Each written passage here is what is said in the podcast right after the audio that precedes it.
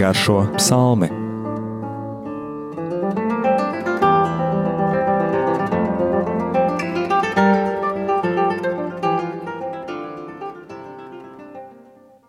Slavēts Jēzus Kristus. Mūžīgi mūžos slavēts. Studijā Stela. Un Anģela. Un šodien turpināsim iedziļināties 89. psalmā. Iepriekšējā reizē mēs uzzinājām, kas to ir sarakstījis, ņemot vērā lielāko daļu ekseģētu viedokļu, ka šis ir tomēr Etāns Dāvida laika biedrs. Nedaudz pieskārāmies arī tam, kā šis autors apdzieda dieva varenos darbus, kā arī uzrunas formai, ka atšķirībā no Asafa Etans vairāk vēršas tieši pie dieva, uzrunājot viņu tieši tā kā draudzīgā sarunā, un redzējām, ka Etans piemin dieva derību ar Dāvidu un lielos apsolījumus ķēniņam Dāvidam, un ka tur mēs jau varam redzēt iekļautu tādu pravietojumu par jauno derību, par Kristu, kuru arī zemes dzīves laikā bieži sauca pa Dāvida dēlu, viņš ir sakne no Dāvida cilts, bet psalms ir diezgan garš, un šodien mēs lasīsim to tālāk un redzēsim, ka neskatoties uz lielajiem apsolījumiem, Dievs nemitējas, tomēr brīdināt cilvēku, brīdināt ķēniņa Dāvidu un brīdināt katru no mums, gan veselu tautu un civilizāciju līmenī, gan atsevišķa cilvēka līmenī, ka Dievs nevar būt žēlsirdīgs un visu piedot gadījumā, ja cilvēks, zinādams viņa likumus, tomēr iet tiem ar līkumu un pievēršas kaut kam citam. Jā, psalma vidū mēs redzējām, kā kungs runā, ka ir atradis un izraudījis Dāvida par savu kalpu, ar savu svēto eļu es esmu viņu svaidījis, un Tālāk mēs lasām, ka tieši kunga roka turēs ķēniņu stipri, un vēl 25. pantā, jau iepriekš nedaudz laikam tam pieskārāmies, ka ir runa par ragu, mana uzticība un žēlastība būs ar viņu, un manā vārdā augstu pacelsies viņa raks. Raks svētajos rakstos ir varas un spēka simbols.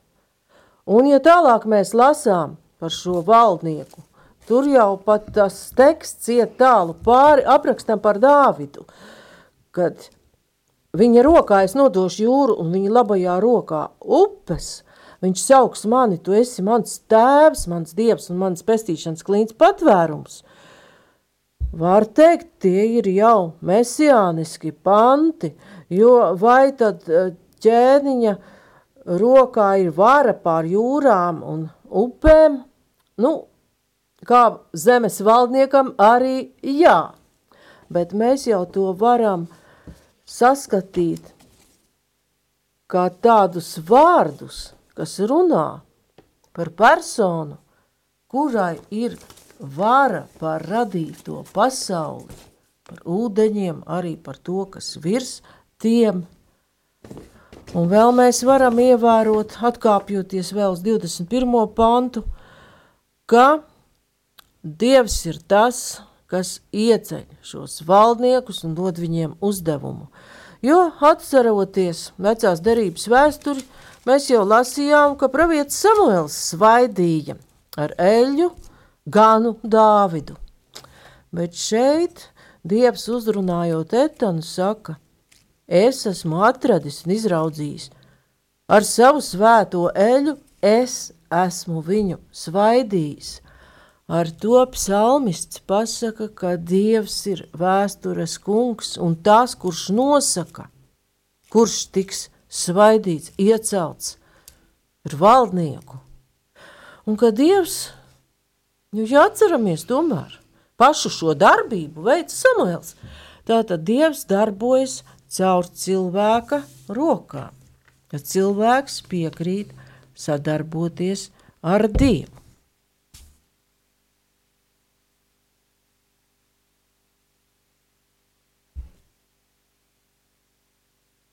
Lasot tālāk, mēs redzam, ka atkal ir šie apsolījumi no 27. panta un tālāk.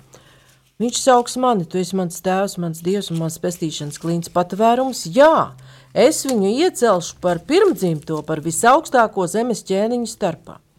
Es saglabāšu pret viņu savu žēlastību mūžīgi, un mana derība ar viņu paliks mūžīgi. Viņa dzimumu es uzturēšu mūžīgi, un viņa troni tik ilgi, kamēr pastāv debesis. Atkal varam saprast divējādi. Un tomēr, zinot jauno derību, nolasīt šajos vārdos arī mesiju. Jo atceramies, ka ir vārdi par radības pirmdzimto, runājot par Jēzu Kristu, Visaugstākais zemes ķēniņu starpā tas jau attiec uz zemes ķēniņiem, žēlastību saglabāšu mūžīgi un derība pastāvīgi.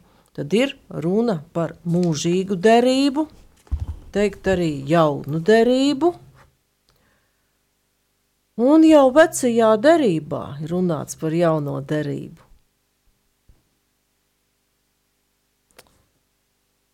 Arī varam šeit izlasīt Jāņa evangēlijā, kā tiek teikts par tiem, kuri seko Kristum, ka ko Dievs saka. Kad es ar viņiem biju pasaulē, es sargāju tavā vārdā tos, ko tu man biji devis. Es tos pasargāju, un neviens no viņiem nav pazudis, kā vien pazušanas dēls, lai piepildītos raksti bet tagad es eju pie tevis, un šo visu es runāju pasaulē, lai viņam būtu mans prieks, kas viņos piepildās, un es esmu darījis zināmu viņam tavu vārdu, un darīšu to zināmu, lai mīlestība, ar kuru tu man esi mīlējis, būtu viņos, un arī es būtu viņos. Paldies. Tā ir 17. nodaļa. Ja tā Jāņa ir augstā priestera lūkšana. Jā.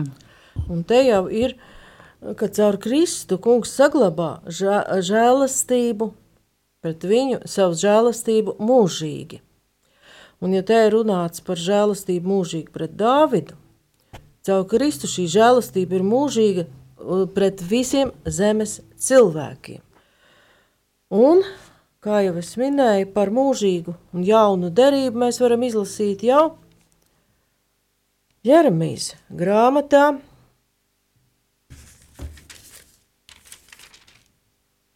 31. nodaļā.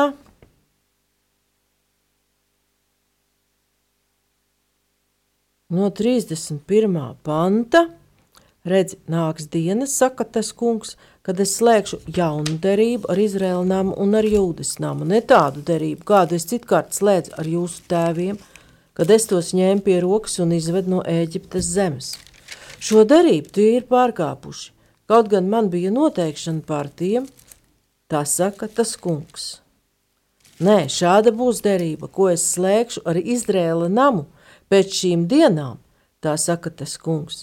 Es iedēstīšu savu bauslību viņos pašos, es to rakstīšu viņu sirdīs, un es būšu viņu dievs, un tie būs mana tauta.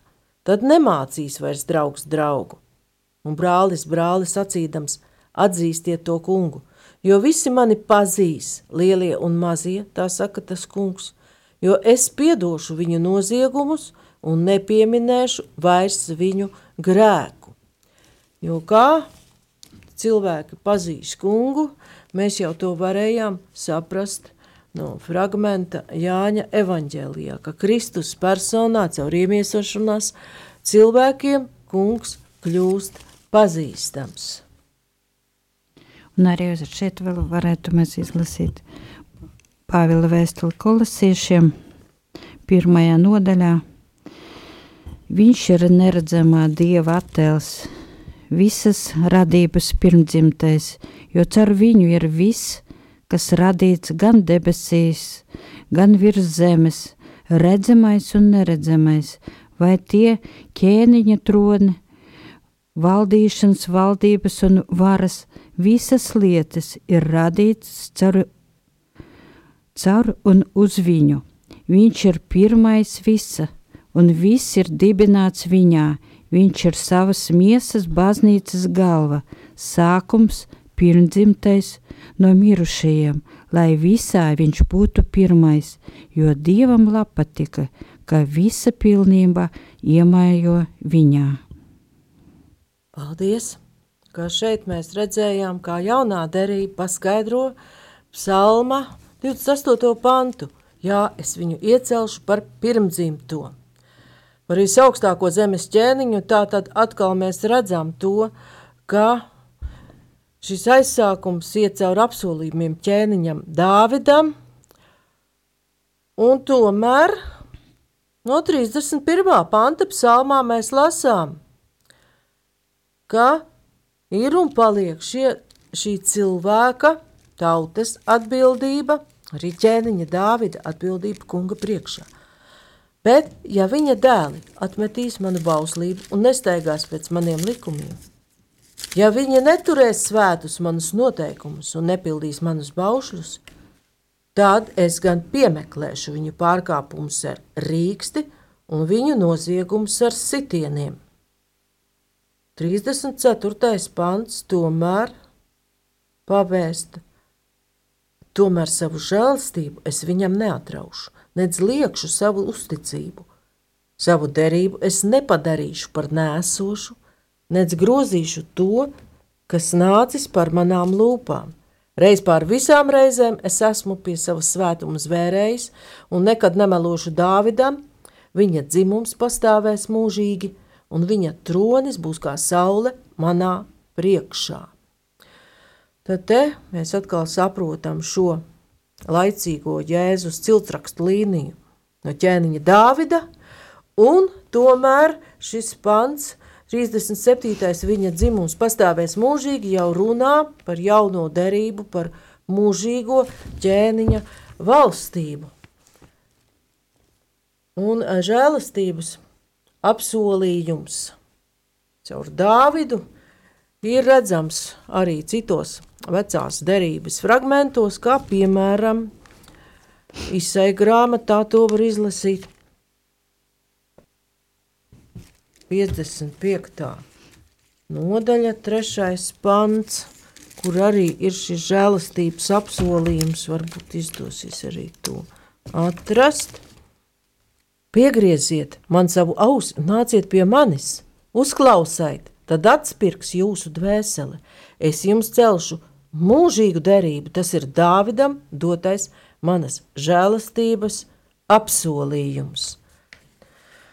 Un apstuļu darbos arī jaunajā derībā ir atsauces uz žēlastības apsolījumu ķēniņam Dāvidam un mēs tur varam lasīt. 13. nodaļā, 34. pantā. Tur ir jau runa par Kristus radības pirmdzimtā uzmodināšanu no miroņiem. Viņš uzmodinājis to no mirušiem, jo viņam nebija lemts atgriezties iznīcībā. To viņš tā izteicis: Es jums došu Dāvidam solītos svētumus, kas nezudīs. Tāpēc arī citā vietā teikts, tu savam svētajam neliksi redzēt iznīcību. Nu jā, un es vēl gribētu atgriezties pie tām, uh, kad mēs pārkāpam kaut kādas likumus Dieva, jā, un ko runā tagad vēstule ebrejiem par kunga pārmācību, kad kungs pārmāca mūs. Ko kungs mīl, to taču viņš pārmāca un šausta katru dēlu, ko viņš pieņem. Pārmācība, esiet pacietīgi, Dievs izturas pret uh, jums kā pret dēliem, kuru dēlu gan Tevs nepārmāca.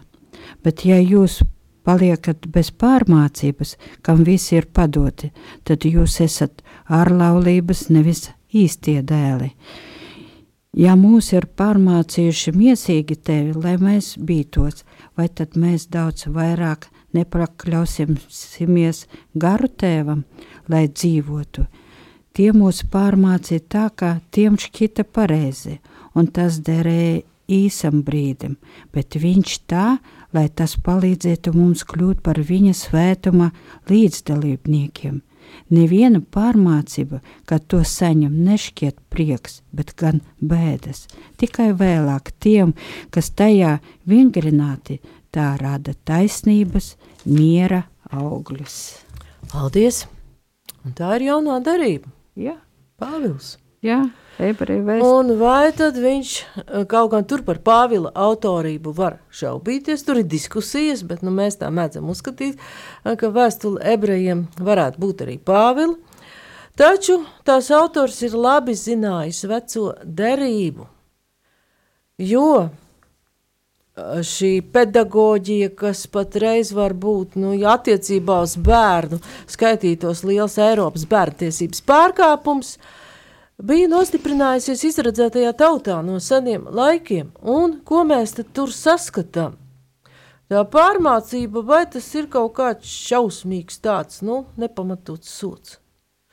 Jo es atkal nemitēšos atgādināt par to, ka tas izteiciens Dievs soda ir, var teikt, ļoti nekorekts, nekorekts un neglīts pret Dievu. Viņš nesoda, viņš, kā labi vecāki, vispirms ir devis norādījumus, un pēc tam, ja bērns neklausa, Dievs ļauj, kā arī vecāki ļauj ciest savas rīcības sekas.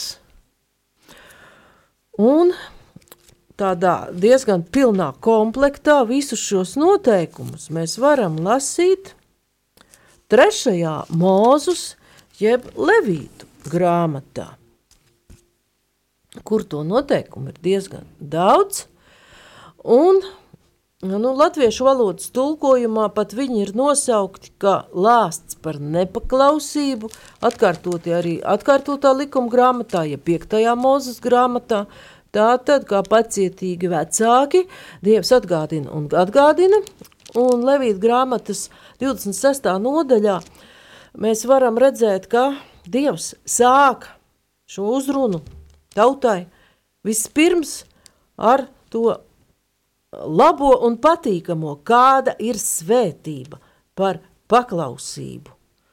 Un kaut vai tā trešo pantu par svētību mums tomēr darētu izlasīt, lai mēs arī varētu labāk saprast, kāpēc mums ir labi vai slikti un ko gaidīt no Dieva, ja mēs viņa tiesas turam, baušļus pildam vai arī tos ignorējam. Un 26. nodaļā Levīta grāmatā 3. pantā kungs saka, ja jūs manos likumos staigāsit, un manus baušus turēsit un tos pildīsit, tad es jums došu lietu savā laikā, un zeme izdos savu ražu, un koki nesīs savus augļus. Tā tad pārticība būs. Sestais pāns, kurš runā par kaut ko, kas mūsdienu pasaulē ir ārkārtīgi nepieciešams. Un sestais pants ļauj arī saprast, kāpēc mēs pie tā netiekam un es došu zemē mieru, ka jūs gulēsit bez briesmām. Plēsīgos zvērus es jūsu zemē darīšu rāmas, un zobens arī nepārsteigās jūsu zemi, un jūs vajāsit savus ienaidniekus, un tie kritīs no zobena jūsu acu priekšā. Un te gan ir teikts par plēsīgiem zvēriem, bet savā ziņā pie tādām bioloģiskām radībām mēs varam pieskaitīt arī visas tās baktērijas un vīrusus, kuras pārsteigā zemi, Un brīdamies, kāpēc, bet Levīta grāmata jau ir to pateikusi. Ja jūs turēsiet manas tiesas, tas nebūs. Bet no 14. panta mēs varam atrast šo cēloni, kāpēc ir tā, kā tagad ir. Un par ko runā arī psalmists tikai koncentrētākā, īsākā tekstā. Bet, ja jūs man neklausīsiet un nepildīsiet visus šos baušļus, un ja jūs manus likumus nicināsiet, un jūsu dvēseles manas tiesas nicinās, nepildot visus šos baušļus, tad jūs lauzīsiet manu derību. Un 16. pants var teikt, paskaidro pat visu mūsdienu pašreiz esošo situāciju. Ja nepildīsim tos baušļus, trešā mūzes grāmatā, jeb Levija 26. nodaļa 16. pants pasaka, tad es jums šādi darīšu. Es likšu nākt par jums izbailēm, dilodim un karstumam, kas acis aptumšo un dvēseli nomāc, un veltīgi jūs sēsit savu sēklu, un jūs ienaidnieki ēdīs jūsu maizi. Un tālāk Dievs runā tādā atgādinājumu formās, un ja jūs arī tad man vēl neklausīsiet, tad es uzlikšu vēl septiņkārt bargāku sodu jūsu grēku dēļ. Tā tad Dievs arī šajā pārmācībā, par kuru runāja Anžela, ievēro tādu pakāpenību. Viņš ļauj cilvēkam domāt, kāpēc tā ir, un dod iespēju atgriezties un saņemt svētību. Lasot psalmu tālāk, mēs redzam atkal tādu ļoti bargu atgādinājumu jau, kas norāda uz kādu notikumu, un labi jau zinot vecās derības notikumus, varam arī saprast, kas tas īsti bija, un mēģināt saprast, ko, ta, kā, ko tas nozīmē mūsu katra dzīvē, un kā to varam saprast garīgajā nozīmē. No 39. mēs lasām, Celmists raksta, bet nu tu viņu tomēr esi atstūmis un atmetis, sadusmojies uz savu svaidīto. Tu esi lauzis derību ar savu kalpu, esi licis negodā, un nometis zemē pīšļos viņa kroni. Tu esi radījis dziļas plaisas visos viņa mūros, esi satriecis drupās viņa stiprās pilis. Tu esi licis atlēkt viņa asajam zobenam, tu esi salauzis viņa valdnieka zīzli, esi darījis galu viņa spožumam un nogāzis no paaugstinājuma zemē viņa troni, tu esi saīsinājis viņa jaunības dienas, esi apklājis viņu ar kaunu. Ja kas dīvaini, kāpēc? Tad kaut kas tāds. Par kādu atkrišanu varētu būt runa, un vēl mēs šeit arī redzam, runāts par zobenu. 43. pantā mēs vēl varam izlasīt, tu esi paaugstinājis viņa pretinieku labo roku, esi iepriecinājis viņa ienaidniekus. Te nav tieši minēts, bet loģiski domājot, tā kā ir runa par ķēniņam Dāvidam dotajiem apsolījumiem, varam saprast, ka Etans acīm redzot šeit ir domājis ķēniņa Dāvida eh, grēku par kuru mēs varam lasīt 2. samuēļa grāmatā 11. nodaļā. Tur ir aprakstīts, kā Dāvids ierauga sava karavadoņa hetiešu Ūrijas sievu Batsebu un sagrēko, pārkāpa kunga likumu un izdara tādu ļoti nodevīgu gājienu, lai šo savu grēku noslēptu, viņš aizsūta savu karavadoni nāvē. Un ko mēs varam lasīt? 11. nodaļas, 2. samuēla grāmatā beigās, kad ir aprakstīts diezgan sīki un smalki viss šis notikums, 27. pants, un kad cēru laiks bija pagājis, tad Dāvids lika to atvest savā namā, Tur ir runa par nonāvētā Ūrijas sievu Batzepu, un viņa kļuva tā sieva un dzemdēja viņam dēlu. Bet noslēdzošais teikums tam pantam ir, bet šī lieta, ko Dāvids bija darījis, gan nepatika tam kungam. Un tālāk, 12. nodaļā, mēs jau varam lasīt par pravieti Nātānu, kurš iet pie ķēniņa, ir tik pārdrošs, ka uzrāda ķēniņam grēku un tās sekas. Un 12. nodaļā, no 9. un 10. pantā, mēs varam lasīt, ko saka pravietis Nātans ķēniņam. Kāpēc tad tu esi noniecinājis tā kunga vārdu, darīdams to, kas ļauns viņa acīs? Tu esi nogalinājis Hetieti Ūriju ar zobenu, un viņa sievu tu esi ņēmis sev par sievu, bet viņu pašu tu esi nokāvis ar Amona bērnu zobenu. Bet tagad zobens vairs neatstāsies no tava nama uz mūžīgiem laikiem, tāpēc, ka tu esi mani nonievājis, un tāpēc, ka tu esi ņēmis Hetiešu Ūrijas sievu ar nolūku, lai tā kļūtu tava sieva. Tā saka tas kungs – Redzi, es likšu nelaimē nākt pār tevi no tava paša nama un tev to redzot. Un 13. pants situācija pavērš citādi, ka daļēji šis posts tiek novērsts. Tad Dāvids sacīja Nātānam, es esmu grēkojis pret to kungu. Un Nātāns atbildēja, tad nu tas kungs arī tavus grēkus piedod tev nebūs mirt, bet tāpēc, ka tu ar šo darbu esi tiešām devis iemeslu tā kunga ienaidniekiem viņu zaimot, tāpēc arī dēlam, kas tev dzimis, neglābjami ir jāmirst. Un ja mēs lasām tālāk, tad tā arī tas notiek. Un ja pārdomājam dziļāk šo psalmista brīdinājumu, To var attiecināt ne tikai uz ķēniņu Dāvidu. Ķēniņš Dāvids tomēr izlīdzinājās ar kungu, bet pirmā ķēniņa grāmatā mēs varam jau lasīt par citu valdnieku. Varam lasīt par ķēniņa Dāvida dēlu Gudro Salamanu. Un arī viņš saņem apsolījumu un brīdinājumu. Dievs parādās ķēniņam Salamanam un saka: 9. nodaļa, 4. pāns, 1. ķēniņa grāmatā.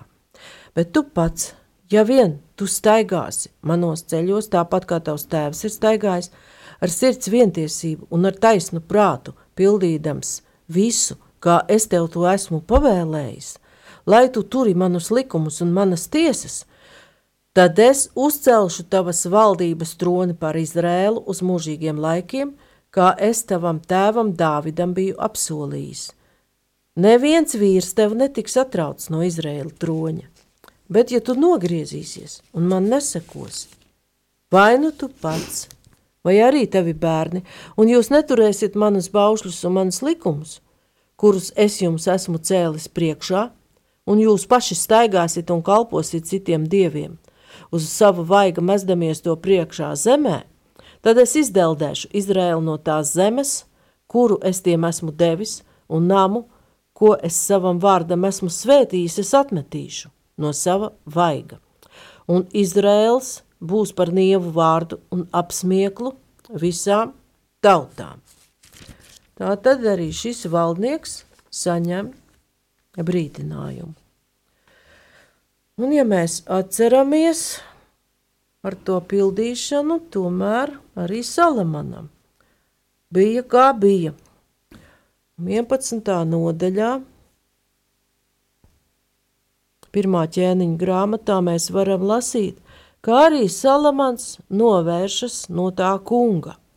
Viņš iemīlējis daudz svežzemju sievu, Tā kā viņš pūles saturēt savu valsti kopā un labas attiecības ar kaimiņiem, uztur tajā laikā ierastā kārtā, cekot ar laicīgu gudrību, nu, apņemot par sievām, ja visas šīs ņemot savā galmā šīs sievietes, kurām ir cita ticība, kuras nāk no citām valstīm.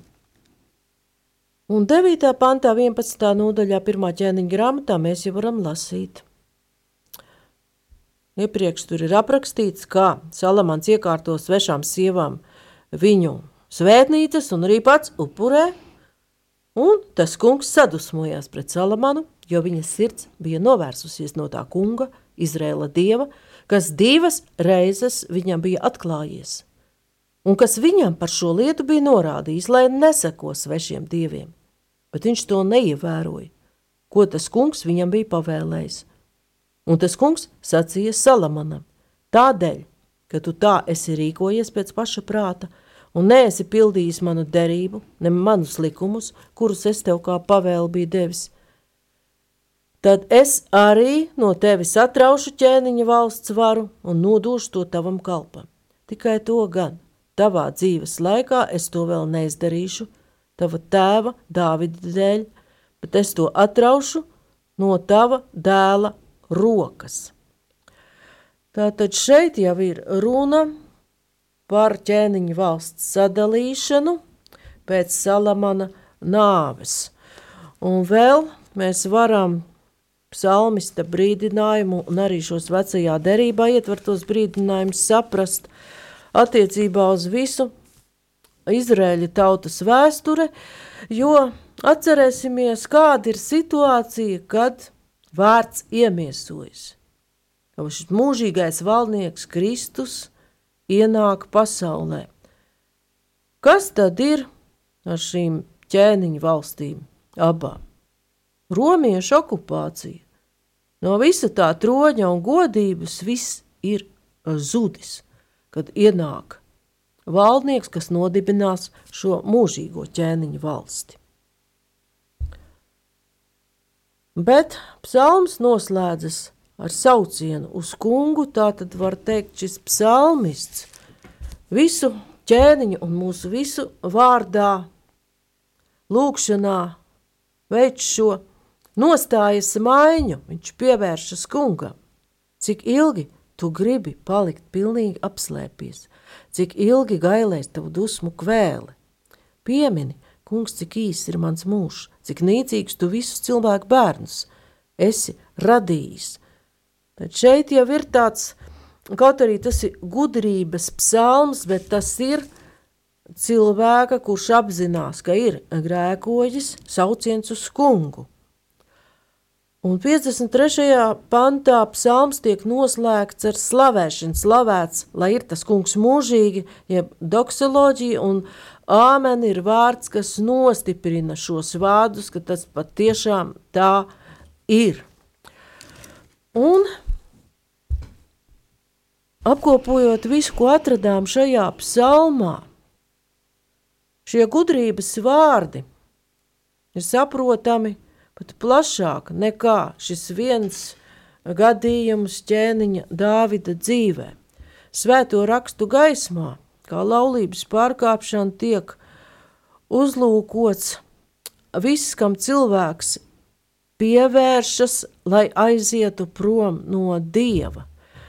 Var teikt, ka arī cilvēka nodošanās mantas krāšanai, uh, savas varas vairošanai arī ir laulības pārkāpšana, attiecībās ar Dievu, mēģinājums savas lietas kārtot, paļaujoties tikai uz sevi, uz savu varu, uz savām zināšanām vai savu bagātību. Tā tad ir šī atkāpšanās no kunga likuma.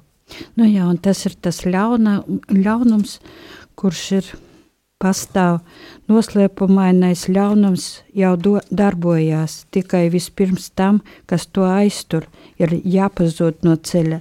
Tad atklāsies ļaunuma cilvēks, ko kungs Jēzus Kristus nogalinās ar savas mutes dvašu un ar savas klātbūtnes atklāšanu, izbēgs viņa pastāvēšanu un, bet mums bez mites jāpateicās Dievam par jums, brāļi, kas esat kunga mīlēti, jo Dievs jūsu gara svētumā un patiesības mīlestībā ir izvēlējies jūs par pestīšanas pirmaugļiem. Paldies! Tad ar to arī mēs varam beigt šīs psal psalma nogaršošanu, ka ir iespēja tomēr ar šo ļauno un tieksmi uz ļauno tikt galā, jo šis ķēniņa Dāvida sakne iemīsūtais vārds ir dzīvojis mūsu vidū un joprojām ir pieejams sakramentos. Paldies par uzmanību. Studijā bija Stela un Anģela.